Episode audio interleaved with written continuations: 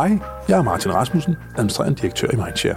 Vi sidder her i Wood Lounge, hvor vi normalt afholder vores store hotel arrangement. Dette er Mindshares Hotel Podcast i samarbejde med Bauer Media. En podcast til de nysgerrige, der vil inspireres og få nye idéer til sin markedsføring. I dette afsnit skal du møde ernæringsekspert Martin Kreuzer, der også er kendt som erhvervsfolkenes bodyguard. Martin har de seneste 20 år arbejdet med individuel vejledning af mennesker, der ønsker at præstere på jobbet, uden at gå i stykker under presset eller slæbe sig fuldstændig drænet gennem den sparsomme fritid. Du vil blive klogere på, hvordan du skal spise dig til en knivskarp hjerne fra morgen til aften. Dagens moderator er Mindshares egen Nikolaj Weber Hansen, der er business planning manager i Mindshare, og selv spiser knivskarpt.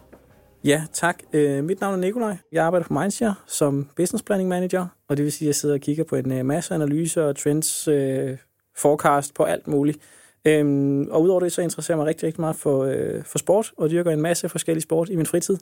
Øh, og i dag har jeg fået øh, Martin Kreuzer, øh, forfatter og foredragsholder og sundhedsvejleder, øh, i studiet, og vi skal snakke en masse om kost. Øhm, først vil du så ikke lige præsentere dig selv, Martin?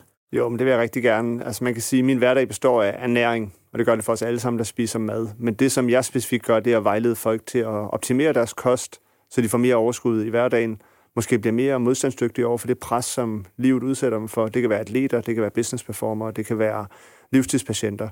Så man kan sige, at omdrejningspunktet for mit virke, det er at hjælpe folk til at få en bedre kostplan og følge i løbet af dagen.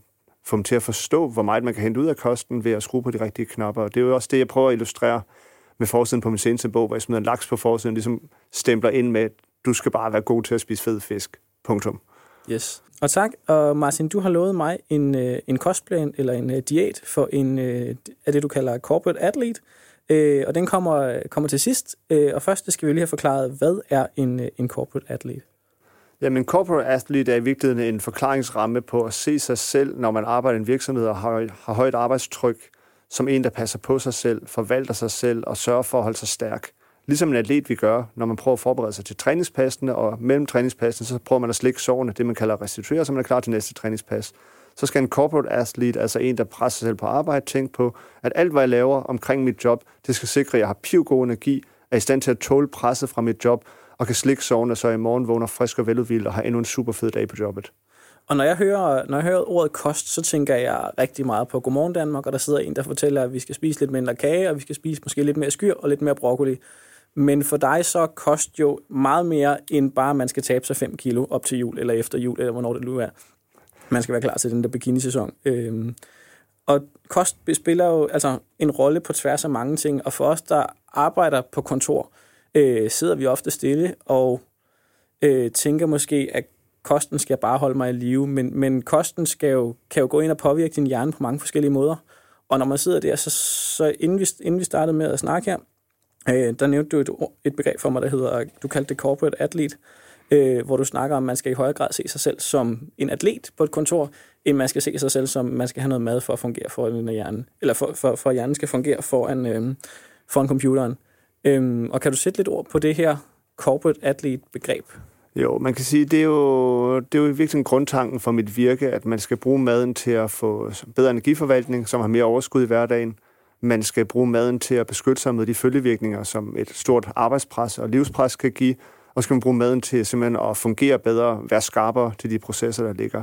Og man putter det ind under den ramme, der hedder corporate athlete, så er det så meget inden for personlig lederudvikling, personlig lederskab. Jeg ønsker at forvalte mig selv til bedst mulig energi gennem hverdagen, så jeg kommer frisk hjem og stadig har overskud. Det er sådan grundtanken, kan man sige.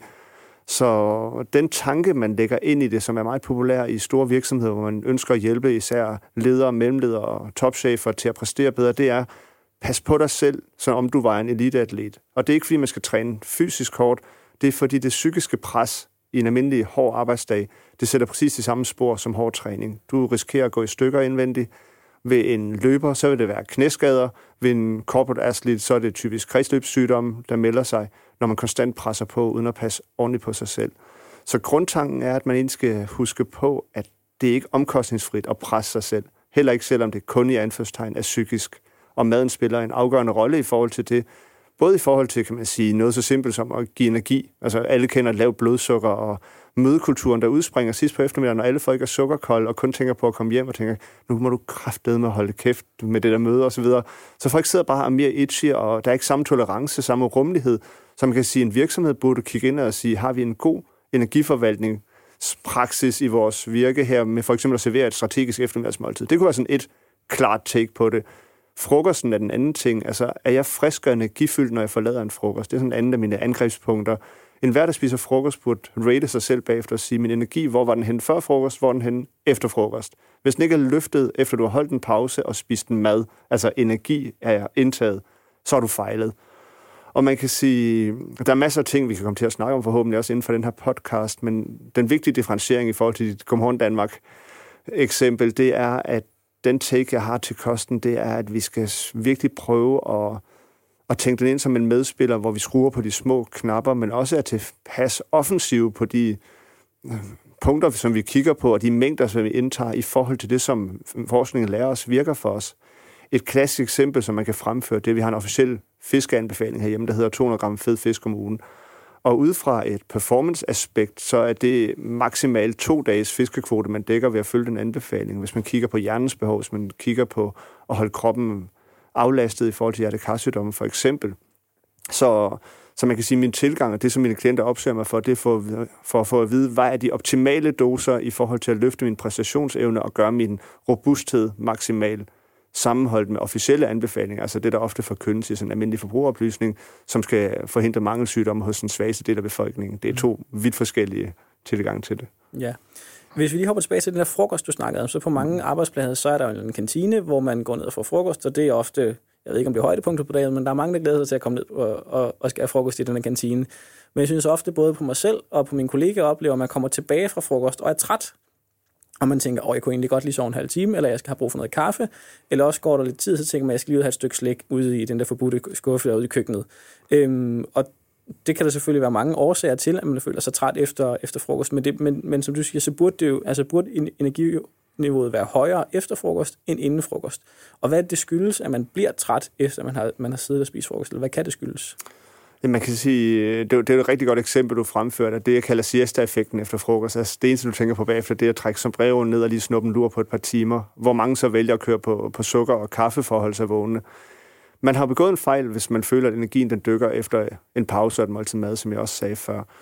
Årsagen til det er ofte en overspisning. Altså simpelthen, man bliver for fristet af maden. Man kommer måske for sulten til frokost. Altså man har man spiser for lidt til morgen. Man har måske ikke fået et, et formiddagsmåltid, selvom man havde brug for det. Man har knoklet igennem uden at passe på sig selv. Så man er rimelig presset, når man kommer hen til frokost. Og så vil der ske det, at man bliver fristet af alle de lækre ting, spiser for meget af det. Og i praksis så binder man simpelthen en masse blod ned i fordøjelsessystemet, så der er mindre ildforsyning til hjernen, som sidder sådan og er halvkvalt ved bordet og, og synker hen tilbage til det, jeg sagde før, altså et referencepunkt for, om jeg spiser god frokost, er, om jeg løfter min energi. Så man skal prøve at spise derefter, og jeg synes, det er rigtig vigtigt, at folk bliver bedre til at være lojale over for deres krops egne signaler. Hvis man mærker efter, hvordan jeg egentlig har det efter en frokost. Altså, de fleste kender jo eksemplet. Jeg kan komme op, der er, lad os sige, forloren skildpadde. Altså, altid når jeg er ude i virksomheder, de serverer sådan noget som forloren skildpadde, så siger folk, ej, det har jeg ikke fået i 100 år, og så spiser jeg ekstra meget af det, fordi jeg ikke har fået det i 100 år. Og det siger de om hver eneste hakkekødret. Og alle kender til den der tunge fornemmelse, der kommer oven på noget oksekød og, og for meget kartoffelmos og så videre. Så man kan sige, man vidste egentlig, inden man satte sig til at spise, at det her kom til at hive min energi ned. Når jeg så siger at være lojal over for egen viden, er jo, hvad er det, jeg har brug for nu? Jeg har brug for at komme tilbage til min kontorstol og være den skarpeste hjerne i verden, for det er det, jeg bliver lønnet for, det er det, jeg identificerer mig igennem, og nu spiser jeg på en måde, der forringer min hjernekapacitet. Kæft, jeg er et fjols. Altså, så skal man jo ligesom tage mm. det til, til efterretninger og korrigere sin adfærd. Fordi hvis man sætter et eksempel op, altså på det ene sted, der har vi sådan et stort stykke oksekød og lad os sige bare et pasta spaghetti med kødsovs eller noget, som et samlet måltid. Og i det andet, der har vi en ovenbagt laks og en kålsalat. Der er jo ingen, der er i tvivl om, hvilke af de to måltider, der løfter energien, og hvilke, der sænker energien. Ergo så, hvis du er corporate athlete af sind, så spiser du det, der løfter din energi, for du ønsker at, at være optimeret i forhold til den næste, kan man sige, træning, hvis man skulle overføre begrebet igen, mm. som, som er min, min arbejdsplads ved computeren, hvis det nu er det, jeg arbejder med, hvor hjernen skal fyre for fulde gardiner. Ja, hvis vi går tilbage til det der corporate athlete-begreb, øh, så er jeg sikker på, at der er rigtig, rigtig mange, som mener, at de skal performe godt på job. Det, det, det, det, mener, det synes vi alle sammen. Men det glemmer man så, når man går ud til den der frokost og tænker, ej, nu det er længe siden, jeg har fået den her lasagne, eller hvad det nu er, jeg overspiser, og så kommer man jo så tilbage og er træt og har brug for det her sukker eller kaffe, eller hvad det nu er, for, at, for at komme op og køre igen. Og så, altså, det, det er jo bare dumt, altså, at, man, at man, man glemmer helt, helt den der corporate atlet. Øh, og jeg, og jeg tænker, når man, når man snakker atlet, så ofte, så forestiller vi, eller så ser vi mænd i lykra, der cykler på strandvejen, eller skal ud og løbe Ironman, eller sådan noget. Men det er jo lige så meget de, altså de folk, der arbejder inde i virksomheden, som skal fungere på, øh, som en atlet, og skal fungere godt. Øhm, og jeg synes også, man ofte ser, at altså folk kører sig rigtig, rigtig hårdt i løbet af dagen, øh, og måske spiser rigtigt til frokost, men så kommer man hjem fra arbejde, og så er man sådan helt smadret og ligger på sofaen, og har ikke overskud til at løbe 5 km eller til at lave aftensmad, så ender man med at bestille noget nemt, øh, fordi der bare er takeaway alle steder. Så du snakkede tidligere om den her øh, energiforvaltning, som handlede om, at man skulle, altså du skal have energi hele dagen fra du vågner om morgenen, til du går i seng om aftenen, og ikke kun de timer, du er på arbejde, men det der med, at der er mange, der vågner om morgenen og er træt, øh, og egentlig ikke er klar til at sove. Og, og er det, fordi vi ikke sover godt, eller vi går for sent i seng, eller lægger med telefonen lige inden, øh, lige ja. inden øh, man sover om aftenen? Jamen, altså det, det vil jeg godt lige vende tilbage til om lidt, men jeg synes lige indledningsvis vil jeg bare afgrænse, at når jeg taler corporate asking, når jeg taler optimal energiforvaltning, når jeg taler om at spise strategisk, så er det ikke fordi, at jeg vil presse et å ned over alle folk og fratage retten til at nyde et stykke god chokolade, eller netop tage den lasagne, man ikke har fået i 100 år. Men jeg prøver at ramme de mennesker, der egentlig ønsker at have god energi. Jeg ønsker at også adressere over for mennesker lige at tænke over, har jeg egentlig god energi? Fordi jeg møder sindssygt mange mennesker, der er for trætte om morgenen, for eksempel. Og i stedet for at anerkende, at jeg er bare sådan en, der er træt, når jeg vågner, så er min rolle som vejleder over for mine klienter at sige, du skal ikke være træt om morgenen, når du vågner. Du skal være frisk om morgenen, når du vågner. Så hvad gør mm. du galt? Altså, det er jo det, som jeg så prøver at hjælpe dem til at forstå. Og det samme gælder, er du træt før frokost? Ja, nej, ikke? Det er jeg ikke. Nå, fint, så gør du et eller andet rigtigt løb af formiddagen. Hvad med efterfrokost? Der, jeg er lige ved at besvime bagefter. Okay, har du spist for meget? Har du spist noget, du ikke tåler? Der er mange, der render rundt med små allergier, som de ikke anerkender. Og så styrtdykker de energi, fordi de spiser en anden peberfrugt, som de bare ikke har det særlig godt med. Og i stedet for at problematisere det, siger de, sådan er jeg bare. Jeg er sådan en, der tre gange i løbet af en uge, der er jeg bare ved at besvime efter frokost, eller jeg er sindssygt oppustet. Og når man spørger efter hvordan har du det med gluten eller sådan andre ting, jamen jeg tåler dem ikke særlig godt. Hvordan vil du så få det, når du spiser den der pastasalat? Jamen der vil jeg blive oppustet. Jamen hvorfor spiser du den så, når du bliver oppustet? Det er sådan lidt igen den her at være djævens advokat på egen viden. Og videre gennem dagen, hvis du kan komme igennem fra frokost til aftensmad, hen over et træningspas og have suveræn god energi, komme til træning, at du kommer ud og træne, det er det første fyraften, og jeg har stadig lyst til at træne. Jeg snører mm. skoene, jeg beslutter at løbe dødsintervaller, jeg har stadig energien til at løbe dødsintervaller. Så er der ingen grund til at snakke strategisk eftermiddagsmåltid. Men hvis du omvendt kommer ind i eftermiddagen og ved 3-4-tiden, så kan du bare mærke, hvordan kryptoøren den signalerer, jeg vil have vinerbrød, jeg vil have vinerbrød. Og du begynder mm. bare at rode i kollegaernes skuffer efter søde sager, du kan stjæle fra dem, og begynder at køre blodsukkeret op og ned, er fuldstændig smasket ud, når du kommer hjem fra arbejde og tænker, ej, der er også gråvejr udenfor, jeg orker heller ikke, det må blive i morgen, jeg træner. Så vil jeg i den grad råbe vagt i gevær og sige, vi skal have talt om din energiforvaltning i forhold til for eksempel måltider. Og sådan kører det jo videre aftensmaden. I virkeligheden kan man godt have underspist og være i sådan, føler god energi frem til aftensmaden. Man er hammersulten, når man kommer til aftensmaden, og man er jo kun et måltid, hvor man overspiser fra styrtdykke energi. Så alle de der, der efter aftensmaden tænker, jeg er fuldstændig drænet, nu orker jeg kun Netflix de næste tre timer. Det kan være, fordi man kommer for presset til aftensmaden. Den vil ikke være sammensat dårligt, men man kører det bare ned, det her måltid. Fordi jo mere presset vi er, jo hurtigere spiser vi og vores appetitregulering, den kører et kvarter forsinket, så alt, hvad vi spiser i den første kvarter, det sanser vi slet ikke. Og så er det, vi rejser os op, og jeg tror, mange genkender det her, rejser op og tænker, jeg skulle bare ikke have taget den sidste portion. Og det eneste, vi orker, det er igen at smide os i sofaen og tænke, endnu en dag med dårlig energi efter fyraften. Så man kan sige, når jeg adresserer det her corporate athlete eller optimal energiforvaltning, så handler det også om at have energi efter fyraften. Det handler ikke kun om, om virksomheden. Jeg har mange chefer, der hyrer mig ind til deres virksomheder, fordi det handler om bundlinje. Altså hvis mine medarbejdere har skarpere energi, og de koster 3.000 i timen, så er det altså bedre, at de, de leverer hele tiden, indtil mm. de kommer hjem. Men min interesse på mine klienters vegne er jo faktisk, at hele døgnet er fedt. Altså, at jeg også har overskud til at hoppe på trampolin med ungerne, når jeg kommer hjem. At jeg er lojal over for at handle rigtigt ind og lave en lækker salat sammen med familien, bruge noget tid på at lave mad, i stedet for det sådan lidt, på de sidste dampe kommer jeg hjem, og vi skal bare have noget hurtig mad. Og det eneste, jeg kan finde ud af at lave, når jeg virkelig er presset, det er spaghetti med kødsovs. Og så er det igen sådan et undergravende måltid hvor den der salat, hvor de skulle have en bog frem og følge en opskrift, den kræver jo altså en, en halv times bedre energi, ja. kan man sige. Så det er også noget med at arbejde videre på det, fordi når du så spørger, og det er for at komme tilbage til, jeg vågner træt og udvildet, så vil det være sådan nogle ting, har du spist for tæt på aftensmaden, eller hvad hedder det, på sengetiden for eksempel? Har du haft sådan en dårlig placering af måltidet, jeg spiser for sent? Har du gjort det, som mange gør? Jeg har egentlig spist rigtig aftensmad, men jeg er så presset på alle mine nødsystemer, så når jeg sætter mig i sofaen, så overgår jeg kun at knalde skærm, Og når jeg sidder foran skærmen, så kommer krybdyrhjernen op og siger, jeg trænger til et andet stimuli. Kan jeg ikke få noget sødt? Så kører jeg en masse slik indbord, så kører mit blodsukker op og ned. Og nu ligger jeg halvvågen, kan ikke sove rigtigt, fordi jeg har spist dårligt, for eksempel. Det kunne være sådan et konkret eksempel, hvor man så vil tage fat i, jamen, hvor meget skærm kører du ind i hovedet før sengetid, sådan i forhold til at udradere melatonin, det hormon, vi skal bruge til at falde i søvn på. Hvor, hvor tidligt kommer du ind i seng, når du bruger tiden på at se to timer Netflix for eksempel? Altså, hvad koster det på sengetid? For måske har du brug for 8 timer søvn, du giver dig 6,5, fordi jeg har ikke tid til at sove mere. Jeg skal jo tidligt op i morgen, underforstået, så skulle nok være gået lidt før i seng. Så, så vi er lidt tilbage til, at som, som kostvejleder bliver jeg også livsstilsvejleder. Som livsstilsvejleder blander mig i søvnen, men når jeg blander mig i søvnen, kan det også være, at jeg blander mig i stress, fordi jeg ligger vågen og kan ikke sove, fordi sådan og sådan. Jamen, hvad er du stresset over? Når vi kigger på stress, så ved vi, at konsekvenserne er i hvert fald kronisk stress. Det er igen inflammatoriske tilstande i kroppen, som kan adresseres med sunde kostvaner, men også forværres af dårlige kostvaner. Så på den måde, det hele spiller jo sammen til, til en pulje af, af livstidsparametre, som mm. jeg kalder performancepuljen, altså kigge på alle aspekter af min livsførsel. Bidrager de til energi, eller undergraver de energi? Mm. Og det er jo det, som jeg, hvis jeg havde dig inde, og du så, sagde til mig, jeg, jeg er virkelig træt, når jeg vågner om morgenen, så kunne jeg ikke bare sige, sov længere tid, eller sove med højere kvalitet. Jeg var nødt til at finde ud af, hvad er det, der går galt? Er det varighed, altså det kvantitative aspekt? Er det kvaliteten, så, så det kan være, at du er længe nok i seng, men du sover ikke godt nok, når, når du ligger i sengen. Mm. Hvordan har du loadet op til det?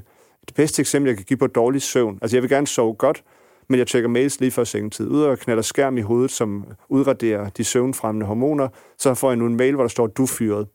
Hvor godt sover jeg oven på den mail? Ikke? Altså, det er jo sådan et klassisk eksempel på at skabe stress lige før sengetid. Så, så der er små justeringer, der er store justeringer. Det vigtige er, at der foretages justeringer. Ja.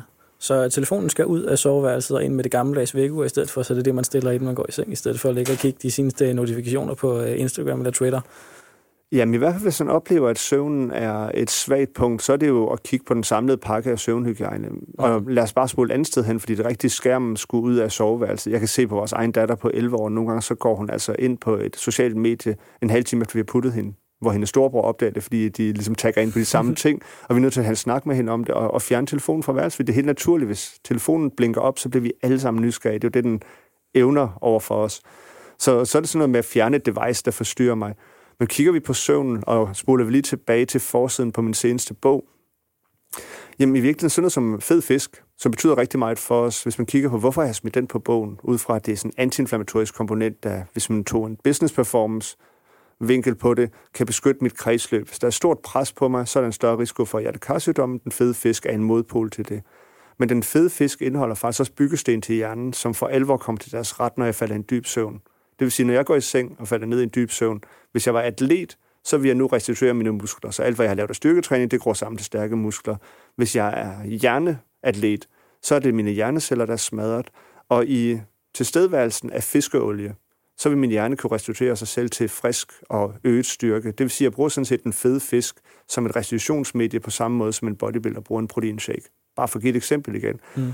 Man ser også, at folk, der skruer op for omega-3-fedtsyre, altså fiskeolie, enten ved at spise massive mængder fed fisk, eller ved at, at tage tilskud af det, de får en større søvndybde. Det vil sige, bare det at begynde at spise fisk, fed fisk, dagligt, kan faktisk være med til at gøre, at du restituerer bedre fra dit psykiske pres og dit fysiske pres, men også fremme din søvn, så du får større dybde, og dermed vågner friskere næste dag. Så måske ligger løsningen altså et helt andet sted i en at slukke skærmen. Måske ligger den i at, at få en makrel på, på brødet lidt oftere. Ja.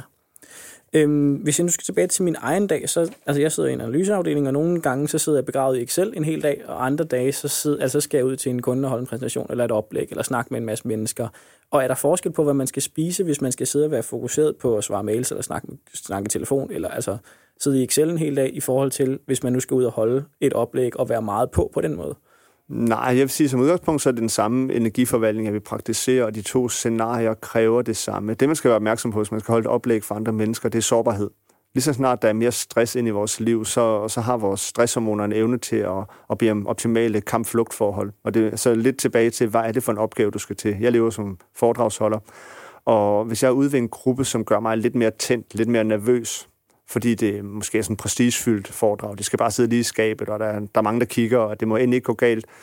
Så kan jeg mærke, at jeg har en større sårbarhed over for, for uhensigtsmæssige madvarer, og for eksempel kaffe, koffein, fordi det kan øge mit tændingsniveau, og hvis mit tændingsniveau i forvejen er knivskarpt, så skal jeg ikke overtænde. Det er det samme, der sker for en sprinter ved start til, til OL for eksempel. Man er bare mega klar, man er faktisk for klar, og så laver man 20-starten og ryger ud mm. med det samme. Ikke? Så, så det gælder om at finde ud af, at jeg er mere sårbar der. Mange vil opleve, at når der er meget stress, altså den akut stress, som, er, som fremkalder en masse adrenalin, sådan vores eksplosive stresshormoner, man vil, så er der meget sådan tømningstrang i kroppen. Det tager ud til et motionsløb og se de lange køer ved toiletterne, når folk har konkurrencenaver på. Det skyldes, at stresshormonet adrenalin siger, giv ikke lige let kroppen vende og kaste op eller skide i bukserne. Altså det er virkelig det, som kroppen ønsker af os. Og, og man kan sige, det samme kan ske for os, så et oplæg eller noget med sådan en meget sådan stor tænding kalder på mere forsigtig adfærd på kostsiden. Mm. Men energikrav til, at hjernen skal være skarp, kan jo ikke være anderledes, når du sidder ved et Excel-ark, fordi det er din fejlrate, for eksempel, der, der stiger, hvis du ikke er, er knivskarp, sammenlignet med, at du er ude og holde en præstation. Så jeg vil mere kigge på den der stresshormonernes etablerende sårbarhed i kroppen. Det kan gøre, at der er nogle ting, der ikke fungerer lige så godt. Og det tror jeg, mange folk kender, at en madvare nogle gange tåles, når man har det afslappet, men de tåles ikke særlig godt, når man er stresset. Og det skal man huske, hvis man også er sådan i et performance hvor man indimellem skal være max på, så har man samme sårbarhed som i andre stressede situationer. Udover det, så tror jeg, at der, hvor jeg ser et skæringspunkt, det er jo, hvis man træner versus ikke træner. Jeg nævnte før, at der er mange faktorer at kigge på, og det kan jo blive en kæmpe lang podcast, hvis vi rundt om dem alle sammen. Men jeg synes, det er vigtigt at forstå, at en af de faldgrupper, mange begiver sig ud i, når de har stillesiddende arbejde, det er, at de spiser, som om de var maratonløbere eller landmænd. Altså, de viderefører vores gammeldags madkultur med store stivelsesorgier, store mængder havregryn til morgen, for eksempel, kører en masse kartoffelmos til frokost og kommer hjem på, på pastaorgier. Og det, de oplever hen over en 10-20 års periode, det er, at de bliver brællerfede af det. Fordi det her kulhydrat-overload, altså det her højoktane muskelbrændstof, når vi kører det indenbords uden at retfærdiggøre det ved fysisk aktivitet, så bider det rigtig hårdt i form af, af forstørrede deller. Så man kan sige, at en del af min tilgang til at lave kostplaner til en business performer, det vil også være at trække kulhydrater ned for at skabe plads til mere opbyggende og sundhedsfremmende ting, der ikke stresser kroppen på samme måde som, som vores klassiske og i virkeligheden forældede kostmønster. Mm. I et øjeblik bliver en atlet, altså en decideret fysisk atlet, så ændrer det sig. Eller en håndværker for eksempel, der knokler på en arbejdsplads. Men den stillesiddende performer skal også forklare over, at stillesiddende arbejde kalder på en anden kost end et fysisk hårdt arbejde. Ja, helt klart. Øhm, lige tilbage til den her frokost igen, som, altså, som, som mange af os spiser på arbejdet.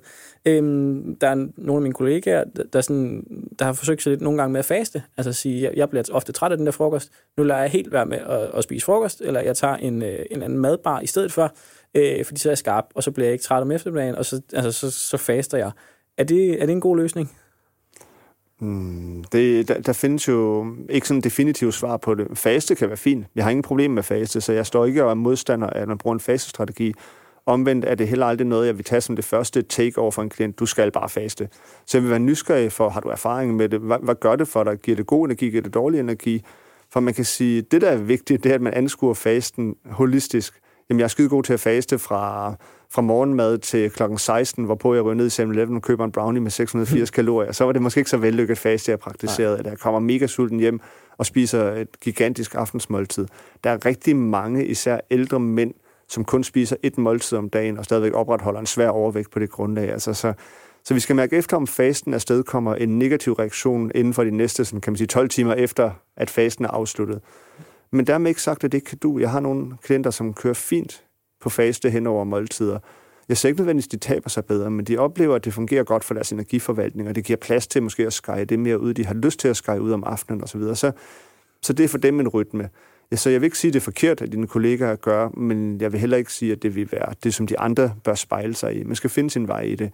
Men skal man kigge på, hvad er en god frokost? Altså, det er jo at knalde en masse kraftfulde kulturer på tallerkenen. Håb på, at køkkenet har, har bakset en, en varm fisk sammen, altså en ovenbagt laks eller noget, og så kør sådan en måltid indenfor, så mærk, nøj, hvor har jeg god energi. Mm. Jeg havde, øh, inden vi kom ud i dag, havde jeg taget et billede af min egen frokosttallerken i dag og vist det til dig og sagde, hvordan, øh, hvordan ser det ud? Og på, på den tallerken, der var lidt, øh, lidt pasta, så var der noget, noget blomkål og noget øh, bro- broccoli. Øh, så var det lidt pesto, og så var der sådan noget kyllingris øh, ved siden af, som jeg egentlig troede var ret fint. Men det første, du stillede mig om, spurgte mig om, det var sådan, hvor var, øh, hvor var sådan den fede fisk, eller hvor var det der fedtstop, som skulle, ligesom skulle få, få mig til at optage de her ting. Øh, og jeg troede jo egentlig, det var, det var super fint, det jeg havde puttet på min tallerken i dag, men der var alligevel en del spørgsmål øh, med det samme. Ja, man kan sige, det er altid svært at lave en individuel vejledning bare ved at kigge på en tallerken, fordi som vi også taler om, der er rigtig mange forbehold for den enkelte, og nu træner du en del Det er ikke alle, der træner lige så meget. Når man træner meget, har man plads til mere brændstof. For ellers vil jeg sige, både at have pasta og ris på samme frokost og to tallerkener, det er ret voldsomt for de fleste kontorer nu så at spise så meget. Men, men det kan fungere for dig, fordi du har et højt aktivitetsniveau det, som jeg kigger på, når jeg sammensætter måltider, det er, om der er en sammenhængskraft i de komponenter, der er i. Er der nogle, nogle plantestoffer, for eksempel? Fordi de kan være med til at stive hele vores immunforsvar af. Så det er der frugt eller grønt, og hvor meget er der er det, og hvilke typer eventuelt er nogen, der er mere kraftfulde end andre, for det er også en kæmpe faktor i det. Så kigger jeg, hvor er proteinkilden hen? Proteiner, som man får fra kød, fisk, fjerkræ og, og mejeriprodukter, som skier for eksempel som vi bruger til at skabe en god vedvarende mæthed, og som er med til at vedligeholde vores muskelmasse. Og så som det samlede led, det er fedtstofferne. Hvor er de sunde fedtstoffer henne, som er dem, der for alvor slår betændelsestilstanden i kroppen ned, og dermed er en modpol til de ødelæggelser, som stress kan skabe i hverdagen. Det er ligesom det, jeg analyserer efter. Mm. Og når jeg kigger på din tallerken, så kan man sige, på din smartphone var det svært at se, om alting var der. Vi fandt så hummus og pesto som sunde fedtkilder, og så fik du sådan set flueben ved, at det hang godt sammen, så længe du formåede at brænde de kulhydrater af fra stivelseskilderne, som var i det måltid. Okay, her til sidst, hvis vi, øh, hvis vi skal snakke om den her corporate atlet, og hvad han skal, hvis vi skal putte ham på en diæt, altså sige, hvad, hvad skal han spise i løbet af en dag, øh, og han møder måske en, eller hun møder ind på arbejdet mellem 8 og 9 om morgenen, og går mellem 16, 17 og 18 om aftenen. Øh, og man skal, der skal være noget morgenmad, der skal være noget frokost, og der skal være noget overskud, når man kommer i mængden til at lege med børnene, eller til at træne, eller til, hvad man nu skal om aftenen. Øh, har du sådan nogle gode råd til, hvad den her corporate atlet skal, øh, skal have på sin diæt? Jamen absolut. Altså man kan sige, øh, kigger ind i de kostplaner, som jeg laver til mine klienter. En klassiker, det er altid et eller andet proteinrigt surmælksprodukt om morgenen. For eksempel skir, den er enormt populær, eller skyr, som der hedder. Smider man nogle blåbær ind i ligningen. Det kan være blåbær, solbær, brumbær, bøjsenbær, roniabær, sådan set, hvad man kan få fingre i. Blåbærne er nok mest populære. En masse af dem ind i ligningen, og så en håndfuld mandler på toppen og lidt akacehånd til surheden. Det er sådan en, en, en blockbuster inden for de planer, jeg laver, fordi den kombinerer både nogle antiinflammatoriske fedtstoffer, som er med til at ligesom holde kroppen stærk over for stressbelastning, og de her blåbærstoffer, altså blåbær har dem generelt, blåbær er mest kendt for dem, dem har man faktisk kunne måle ind i kroppen, hvor de beskytter hjernen mod ødelæggelse i løbet af en hverdag. Så sådan et business performance perspektiv, eller corporate asset, er jo, at jeg vil mindske ødelæggelserne, som opstår under min arbejdsdag. Så jeg vil ønske nogle sunde fedtstoffer fra nødderne, mandlerne i det her tilfælde, der, der ligesom plejer mit kredsløb, og jeg ønsker forsvarsstoffer i forhold til de her bærstoffer, der skal ind og ligge der, inden jeg møder de største belastninger i løbet af min arbejdsdag. Det var sådan en klassisk start på dagen. Det kunne også være noget omeletagtigt eller anden type æg, en skive rugbrød, nogle grøntsager til. Det også fungerer rigtig godt. Frokosten, jamen igen, det er jo, hvad der er muligt. Hvis man skulle kigge sådan, jeg er på madpakkeholdt, en skive surdejsbaseret fuldkornsrugbrød, en dåse makrel, en avocado og lidt blomkålsbuketter, så har du et fremragende måltid. Er det en kantine, så vil jeg nok tage en blandet salat, kraftfulde kåltyper. Kunne jeg få fat i den fede fisk, så vil jeg absolut tage den. Kunne jeg ikke få den, så vil jeg vælge noget magert, altså noget kylling for eksempel, og så få en sund fedtkilde ind i form af noget pesto eller hummus eller lignende. Aftensmaden derhjemme vil jo være skåret over samme som frokosten, men inden du overhovedet når så langt, så vil de fleste have gavn af et strategisk eftermiddagsmåltid. Og der ser jeg rigtig mange fejle, og det er også der, hvor man kan opgradere meget, meget nemt. Fordi der er en tendens til, at man ligesom i arbejdspresset glemmer at mærke efter, hvad man egentlig har brug for, så man kører for langt ud over kanten og, for, og reagerer først, når kryptohjernen siger, at jeg vil have sødt, og det bliver sådan nogle uanstændige ting, man smider ind, der er alt for kalorierig og alt for lidt opbyggende, og som giver ustabil blodsukker og dårlig energi generelt. Så man kan sige, øh, en tommelfingerregel tre timer efter afsluttet frokost skal man spise et strategisk eftermiddagsmåltid, der indeholder energi nok til, at jeg kan bæres hele vejen frem, hen over mit træningspas, eventuelt helt frem til aftensmaden. Og hvis nogen af dem, der lytter her, ved noget om kalorier, så kan jeg sige, at en 200-300 kalorier, vi har placeret i det måltid. Og for at sætte lidt i kontekst, et æble indeholder 50 kalorier. Så det svarer til 4-5 æbler, men jeg vil ikke putte 4-5 æbler ind, jeg vil putte noget mere sammensat i. Så hvad vil være et godt eksempel? Det kunne være en banan og 25 mandler, for eksempel. Der er mange, der siger, åh oh, nej, en banan er fed, det er den ikke, det er en myte, og 25 mandler, det går nok meget. Jamen, det er stadig kun 200 kalorier. Så, så sådan en måltid vil fungere rigtig fint og være nemt at praktisere. Man kan købe nogle færdige madbar. Rawbite er meget kendt herhjemme for eksempel. Indeholder 200 kalorier, løser samme opgave. Hvis man kan få fingre i en rugbrødsmad med noget ost på og, og lidt grøntsager til, vi også fungerer fint. Men jeg vil sige, praksis, det der banan 25 mandler, altså jeg kan bare opfordre lytteren til at praktisere det. Prøv at se, hvordan det virker, hvis man tager det tre timer efter frokost. Ja, det er vigtigt her, inden man går sukkerkold, skal man have spist det her. Hvis først man går sukkerkold, er der ingen mandler, der kan lappe på den trang, man har efter søde sager. Og man kan sige, at med det i blodet har man overskud til at træne, man har overskud til at handle strategisk, når man kommer hjem, man har overskud til at, at lave den rigtige aftensmad, med mindre den ligger så sent, altså vi spiser først kl. 20 for eksempel, at man er nødt til at bygge en bro mere med et stykke frugt for eksempel. Men under normale omstændigheder vil jeg sige, eftermiddagsmåltidet tilpas stor tur investerer kalorier for at spare kalorier og for at hente god energi. Det er nok en af de vigtigste ting at fokusere på. Øhm, hvad, med, hvad så, når man har spist aftensmad, og man skal hen på sofaen og se lidt Netflix med, med konen eller kæresten eller børnene? Øh, er, det, er, det, er det okay at spise lidt mere efter aftensmad? Fordi der er mange, der lige, lige skal have lidt snacks, inden man, øh, inden man går i seng. Ja, man, man kan sige, at der, der er mange myter om, at man ikke må spise om aftenen, og dem, dem er jeg ikke stor tilhænger af. Men man er nødt til at kigge på, hvad man propper indenbords. Der er rigtig mange, der skovler en masse møg i hovedet i de senere aftentimer, og de gør det i stedet for at falde i søvn. Altså man sidder der træt, og så tænker, jeg kan holde mig vågen ved at køre det her i hovedet, og det skal man lade være med. Men hvis man er ægte sulten, for eksempel børnefamilier, spiser tidlig aftensmad, for eksempel 17.30-18 stykker, og man skal måske efter man har puttet børnene sidde og arbejde, så vil det give stor mening at tage endnu et strategisk mellemmåltid i aftentimerne, som kan holde sig kørende, for eksempel. Så jeg er ikke modstander af at spise om aftenen, jeg er modstander af at snakke på, på følelser og træthed om mm. aftenen i hverdagen. Og, og derfor vil mange af mine klienter egentlig have et tilbud om at kunne spise noget. Og det er lige fra altså en skive groft knækbrød med ost på, til at tage noget, noget skir igen, altså sådan lidt morgenmadsagtig måltid, hvor man måske gør det lidt sjovere ved at rive noget mørk chokolade henover og hive lidt, lidt æble, revet æble henover, for eksempel. Mm. Det væsentlige her er, at man skal tænke det ind i et energiregnskab. Har jeg brug for brændstof nu, eller var det egentlig, fordi jeg har brug for at gå i seng, eller skulle jeg måske tage en snak med min kone om, at jeg ikke er helt tilfreds med vores forhold? Altså, så, så man skal putte den rigtige kontekst ind. Men jeg har rigtig mange også business performance klienter, som jo arbejder sent. Altså man kommer så lidt tidligere hjem, hvis man har børn, prøver at være sammen med dem, lave aftensmad, få dem puttet, og så har man igen et par timers arbejde, måske fra 21.30 til, til kl. halv 12 eller noget. Og, og der vil det være yderst hensigtsmæssigt at tænke i at reetablere energien klokken kl. 21 for eksempel, så man har fuld koncentrationsevne frem til sengetid, mm. og så kan gå i seng på det.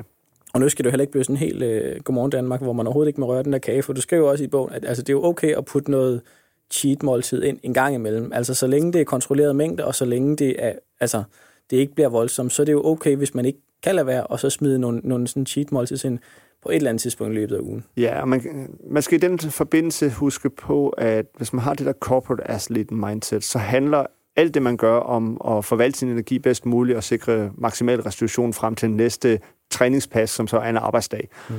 Og, og kagerne skal ses i den kontekst, spænder de ben for, for min energiforvaltning, spænder de ben for, for min vedligeholdelse af den rigtige kropsvægt, altså bliver jeg fed af at spise dem osv. Så nu skal jeg kigge ind i. Normalt har jeg den tilgang, at fredag og lørdag, altså fredag for fyreaften, frem til søndag eftermiddag i virkeligheden, det er der, hvor du kan slappe af. Det er der, hvor du sænker paraderne. Det er der, hvor du tænker lyst, nydelse, hygge. Søndag aften, som aftensmåltid forbereder mig til den uge, der kommer. Det vil sige, søndag aften vil jeg ikke indtage alkohol, jeg vil prøve at spise noget sundt og styrkende, jeg vil gå tidligt i seng, så jeg vågner frisk og veludvildet. Så det er egentlig, altså det er uden for arbejdsugen, at jeg, jeg lemper på, på tingene for alvor. Det vil være en rigtig sund approach, og så prøver jeg i hverdagen at tænke mig sådan performance over min ernæring. Gør den mig stærk, gør den mig energifyldt, sikrer den min restitution af kroppen. Det vil være den rigtige approach. Jeg skal i hvert fald ud og have købt lidt, uh, lidt mandler. Jeg skal have liggende på kontoret til, til eftermiddagen, så jeg ikke er sådan helt smadret, når jeg kommer hjem fra arbejde, og bare skal have aftensmad med det samme. Men så jeg ligesom kan holde, øh, kan holde energiniveauet hele dagen, for det, det har jeg i hvert fald selv problemer med nogle gange, at man er meget træt, når man kommer hjem fra arbejde. Martin Kreutzer, forfatter til bogen øh, Velsmort. Tusind tak, fordi jeg måtte snakke med dig. Jeg glæder mig rigtig meget til efteråret, hvor du kommer ind på Mindshare til vores hotel og skal snakke meget mere omkring det her. Og indtil da, så vil jeg forsøge at spise lidt flere mandler og lidt mindre kage. Tak for i dag. Selv tak.